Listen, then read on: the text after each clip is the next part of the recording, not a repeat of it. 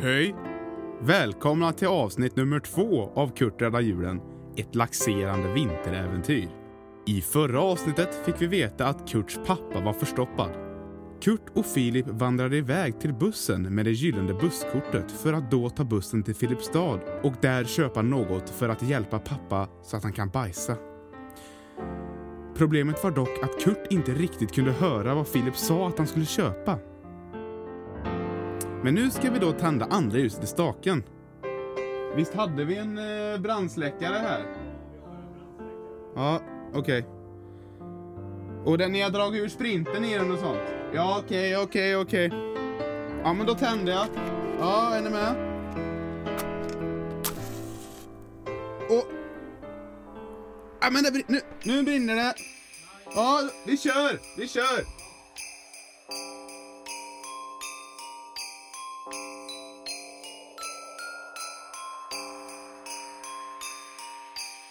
Del 2 En stinkande resa.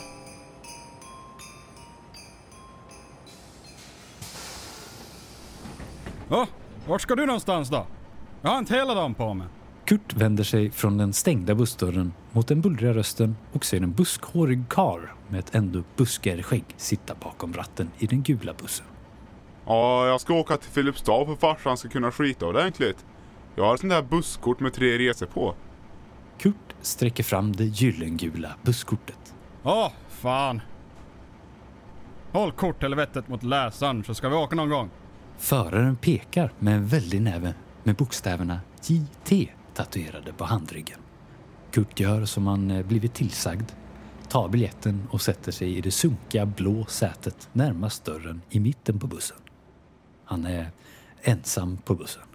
Nej, det skulle varit nice att haft sällskap av Filip ändå. Bussen kränger och föraren svär. Jäkla epa bils helvetes kuk fan. Bussen kör om en A-traktor dunkandes sån där obegriplig rapmusik som ungarna lyssnar på. Kurt får en känsla av att vara iakttagen och får en väldig lust att börja vissla, så eh, det gör han. Kurt eh, visslar en något eh, vissen melodi. Nej, hörru! Håll käften! Gläfser en liten röst någonstans nära hans ena öra. Va? Vem sa det? Säger Kurt, men eh, hinner då inte få något svar då bussen gör en kraftig inbromsning för att släppa på mer folk. Bussen pyser argt när dörren öppnas och en dam med långa vader iklädd en fluffig fuskpäls kliver på. Nej men tjenare IT. Det kan inte vara en pärla va? Jag, jag har glömt busskortet hemma va? JT, det kan inte vara så bussigt att släppa på mig va? JT. Damen med de långa vaderna pratar snabbt och lutar sig lite åt vänster där hon står. Ja men du JT, det är snart jul va? Jag, jag betalar dubbelt imorgon va? JT. Söta kvinnan. Föraren ser ut att helst vilja gå och lägga sig under en sten och inte komma fram förrän grisar kan flyga och månen har blivit grön. Men vad fan Anna-Greta? Gå på istället. Du slösar bort min tid. Tror inte jag har annat att göra va? Kvinnan vinglar ombord medan bussen hoppar till när föraren försöker pressa pedalen genom bussens rötna ursäkt till golv. Kvinnan faller ner i sätet på andra sidan gången mot Kurts med vader fladdrande åt alla håll. Oj! Gick det bra eller? Frågar Kurt försiktigt medan kvinnan trasslar ut sig och slår sig till rätta i sätet brett beresandes. Ja fan, ja, ja fan. han- JT han gör jämt så här. Vi, vi känner varandra vi. Vill du ha? Kvinnan sträcker fram en servett med en liten blå svamp på. Men vad fan! Vi ska fan inte ha julklappar, ungjävlar. Vrålar JT och gör en högst olämplig gest när han låter bussen vråla förbi epan för andra gången. Tanten rycker undan servetten och stoppar den innanför blusen och vänder sig sedan mot fönstret. Undrar om alla Filipstadsare är så här konstiga. Tänker Kurt. Han blundar och glider in i våta drömmar medan bussen rusar vidare genom skogen. När han vaknar igen har flera människor klivit på bussen och en markant doft gör sig till känna. fan är det som luktar? Det luktar ju precis som hemma. En kortvuxen man som tidigare inte suttit bredvid Kurt sitter nu där och skrattar. Luktar det bajs hemma hos dig? Doften får Kurts ögon att tåras. Jo då, farsan går runt och fjärtar så det står härliga till hemma. Jag är på väg för att fixa något så han kan skita som vanligt igen. Vem är du förresten? Kurt ser fundersam på mannen som sitter och dinglar med benen i sätet bredvid. Det är jag som är Bob. Säger han glatt. De brukar kalla mig Bob den berusade. Visste du att om man kan hitta smurfarnas hemliga by, då får man en önskan uppfylld? Bobs röst är sluddrig och hans andedräkt bidrar till den allmänna stanken som nu vandrar genom bussen. Vad fan? Är det Bob som har skitit på sig?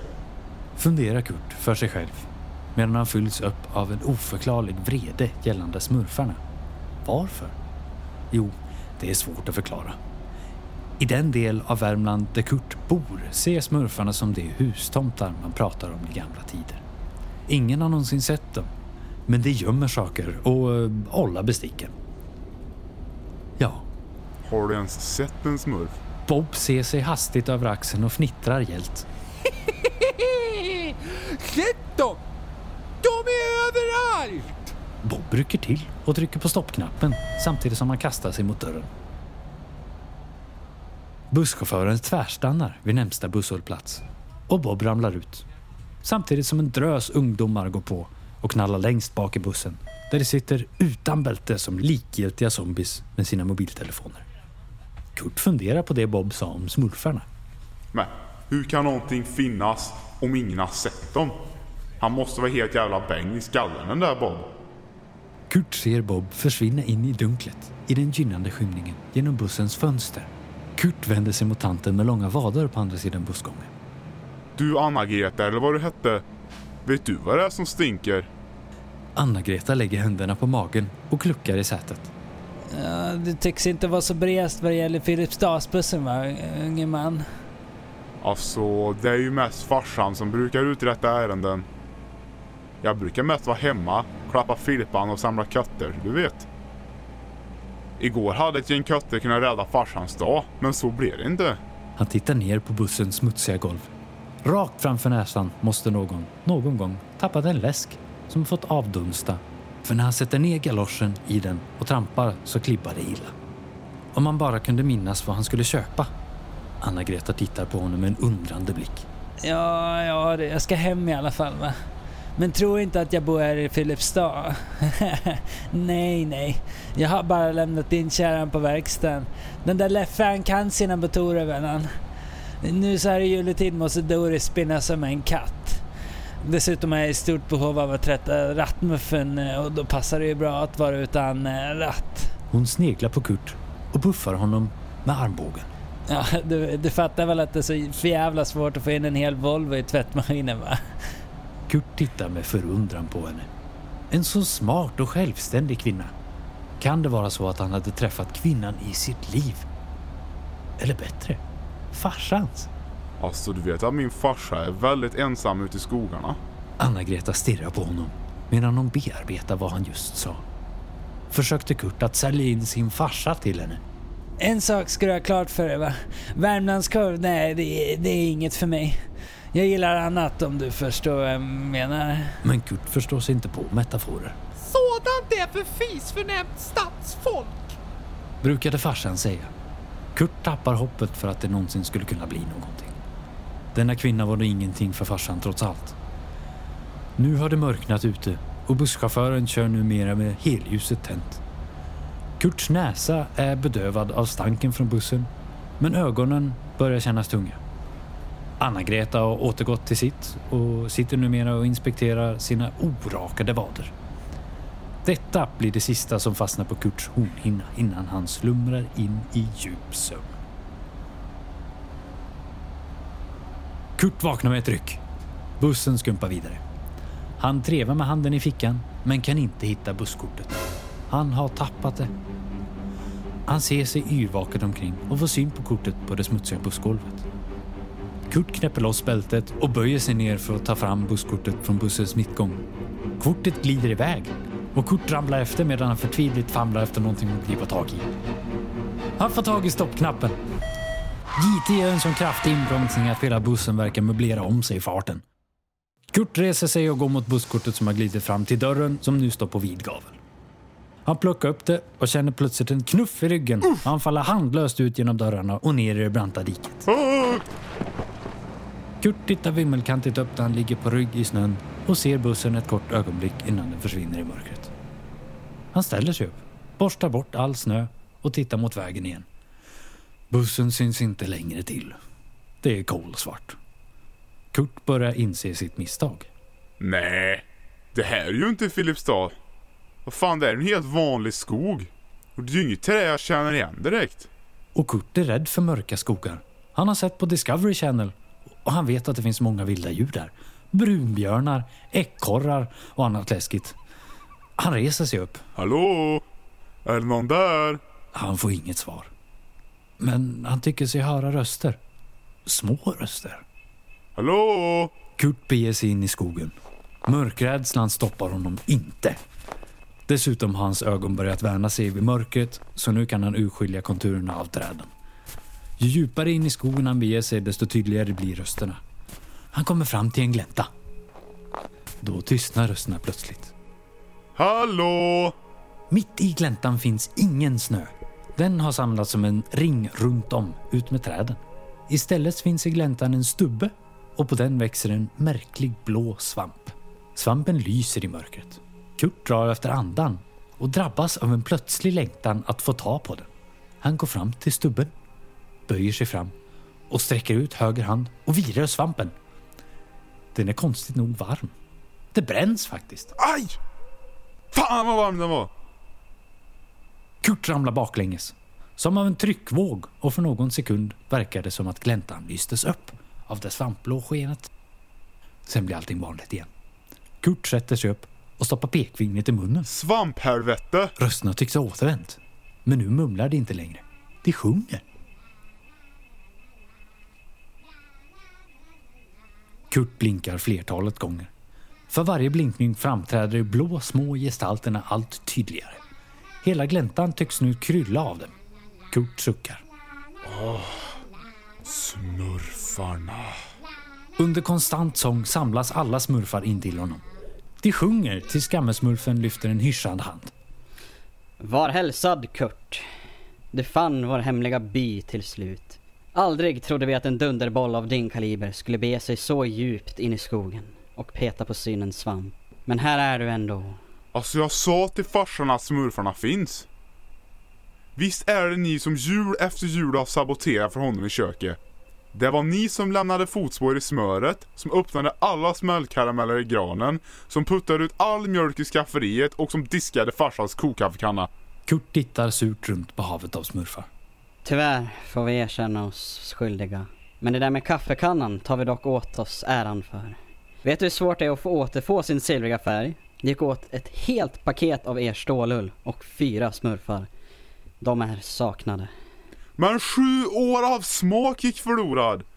Har du någon aning om hur ledsen farsan blev? Han trodde ju det var jag som hade begått brottet. Gammelsmurfen rycker på axlarna. Mm. Nog pratat om oss. Vad för dig hit? Jag ska resa till Filipstad och rädda djuren. Pappa kan inte bajsa och jag ska ordna botemedel. Gammelsmurfen vänder sig till församlingen av blått. Mina smurfar! Vi är räddade! Smurfarna bryter ut i ett dån av applåder och tjoande. Det hela övergår i den sedvanliga sången igen. Gammelsmurfen vänder sig åter mot Kurt. Låt oss tala ostört. Kurt följer den röda lilla luvan djupare in i skogen. Vid ett kalhygge ber han Kurt att slå sig ner mitt emot honom på ett fältträd. Det är kallt och snön smälter så fort Kurts skinkor nuddar stocken. Du förstår Kurt. För många år sedan var Smurfbyn storleverantör av saffran till Filipstad. Vi hade nästan monopol eftersom att smurfsaffran var av bästa kvalitet. Vi framställer det av det gula stoft som blir av sporerna från våra hustak. Vi mådde väldigt bra av detta och blev till och med blåare än vad vi är nu. Gammelsmurfen tittar på sina händer och vänder sedan bort blicken. När sedan konkurrensen hårdnade och folk hellre köpte billigt saffran än det av kvalitet så slutade fraktbilarna komma. Smurfbyn glömdes bort och eftersom vi slutade skörda våra svampar så slutade också producera lika mycket sporer. De sporerna som vi får är inte lika näringsrika som innan. Det är vårt sista saffran som håller synens svamp vid liv. Vi skulle behöva nytt saffran som kan boosta våra svampar och få oss att orka producera igen. Så vi stökade oss din pappa eftersom vi letade efter räddningen. Men nu när du är här och säger att du ska till Filipstad och rädda julen så tänker jag följa med dig. Vi kanske inte kan bli leverantörer igen, men vi får åtminstone chansen att köpa saffran nog så att vi kan hålla vår lilla by vid liv. För du vet vad som händer om en smurf inte får saffran. Vi förtvivnar i grått. Synens svamp är vårt sista hopp. Jag beordrar att vårt sista lager skulle användas till den tron att räddningen skulle komma. Kurt eh, funderar. Ja, jag hjälper er på ett villkor. Hädanefter i juletid ska ni inte sabotera för farsan. Han klandrade faktiskt till och med Filippan där hemma för att ha diskat den där kannan. Den här odrägliga katten? Ja då, honom känner vi allt till. Äter alltid sin väg. Det var nära att två av mina smurfar strök med för hans klor. Men vi har en överenskommelse. Du hjälper oss få tag i saffran så ska vi inte störa er mer. Låter det bra? Kurt skakar den pyttelilla handen och väl tillbaka i smurfbyn har de andra dukat upp för fest. Tydligen äter de små blå bara saffran och svamp. Kurt blir serverad svampar i alla storlekar och former under konstant sång. När de ätit klart intar gammelsmurfen sin plats under höger öronlapp på björnfittan. Adjö mina smurfar! Jag skall återvända innan julafton. Thank you.